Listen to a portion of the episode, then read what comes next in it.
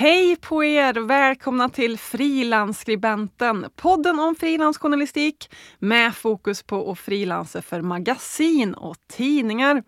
Lotta Brunmark vid mikrofonen. Det är jag som är huvudkursledare för Magazine Writers Academys onlinekurser i frilansjournalistik här i Sverige.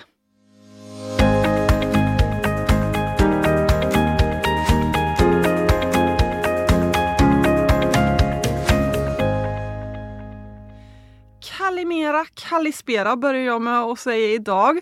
Ja, det handlar om grekiska, det är en liten lektion i grekiska som vi har framför oss. Ja, inte riktigt, men vi ska kika på din berättelse utifrån den dramaturgiska kurvan. Den kommer från antikens Grekland.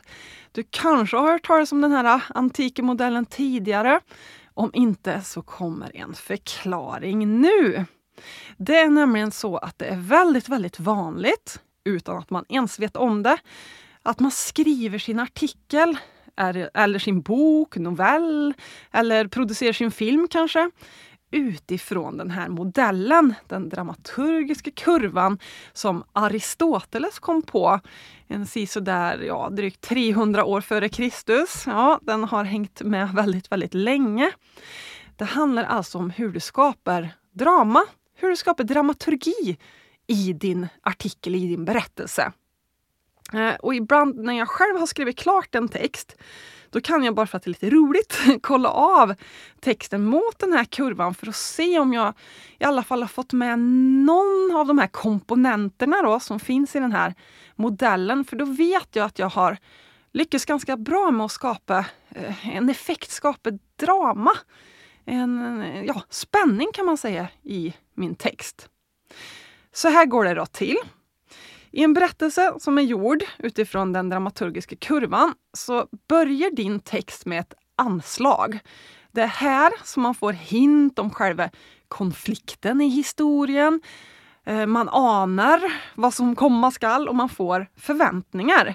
Det här kan vi då säga är din ingress. Det är den som lockar till vidare läsning helt enkelt ett anslag. Du sätter tonen här i början. Sen måste du presentera. Och det går ju jättebra att kasta sig rakt in i en berättelse. Men någon gång så, där i början så måste du lugna ner dig lite och förklara, presentera. Vem är det vi träffar i din text? Vilka handlar det om? För du som skribent, du som frilansjournalist, du håller ju läsaren i handen. Tänk lite på hur det är i Hollywoodfilmer, för de använder ju den här dramaturgiska kurvan jämt, typ. Eh, ibland är det en lugn start i början av filmen. Man förstår, aha, det är de här det handlar om. Sen kanske tempot trappas upp. Eller i början av en film så bara kastas man rätt in i ett händelseförlopp. Eller i en bok, du kanske läser deckare. Man bara wow, kastas in i värsta mord, mordet som händer i början. Men någon gång därefter så måste man ju förklara, okej, okay, vilka, vilka personer har vi att göra med här? För annars tappar man ju intresse. Man hänger bara kvar ett visst tag, en viss tid, tills man känner, vilka är det nu då? Vilka handlar det om? Ehm, så det är här du måste göra i början av din berättelse. Ett anslag, sätta tonen och sen presentera. Sen kommer fördjupningen. Vi får reda på ännu mer. Vad händer sen? Vad händer med personen sen? Den som du kanske gör ett personporträtt på. Eh, den som har varit med om någonting i din text. Vad händer? Vi fördjupar oss. Efter detta kommer väldigt vanligt en upptrappning och ett klimax. Det är då vi är på toppen, då är det det mest dramatiska som händer i din berättelse. Och skriver man utifrån den dramaturgiska kurvan så har din text ofta en eller två vändpunkter Ofta en i starten och en lite senare. Alltså när vänder det för personen som du berättar om? Det här är alltså inga måsten för att skriva en bra artikel. Du kanske har ett helt annat upplägg. Men i ett personporträtt eller i en text där vi lär känna någon som har gått igenom någonting svårt till exempel. En person som har haft cancer men som nu är frisk och har förändrat sitt liv. Då beskriver du de här vändpunkterna, de här viktiga punkterna. När vände det? När blev personen ännu sjukare? När blev den frisk? Vad hände sen? För vi gillar ju att läsa om förändring, eller hur? Väldigt mycket texter, väldigt mycket artiklar i våra magasin och tidningar där ute handlar ju om människor som har gått igenom någonting och gjort en förändring. Och det här är då grundstenarna i ett klassiskt drama.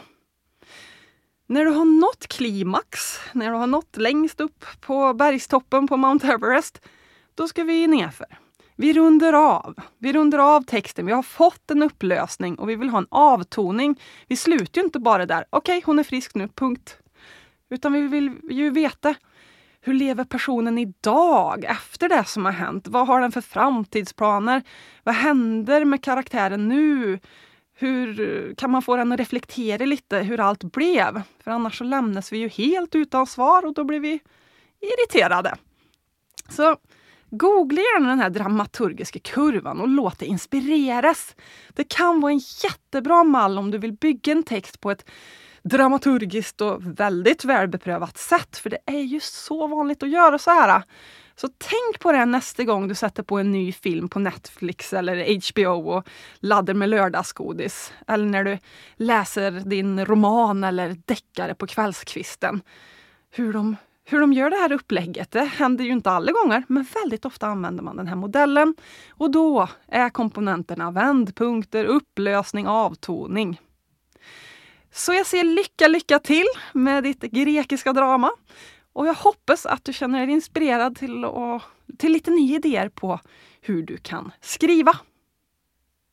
Är du taggad på att jobba vidare med skrivandet och få feedback på ditt skrivhantverk? Ja, då får du ju jättegärna sätta upp dig på väntelistan till våra onlinekurser i frilansjournalistik. Det gör du genom att gå till magazinewriters.academy Sweden.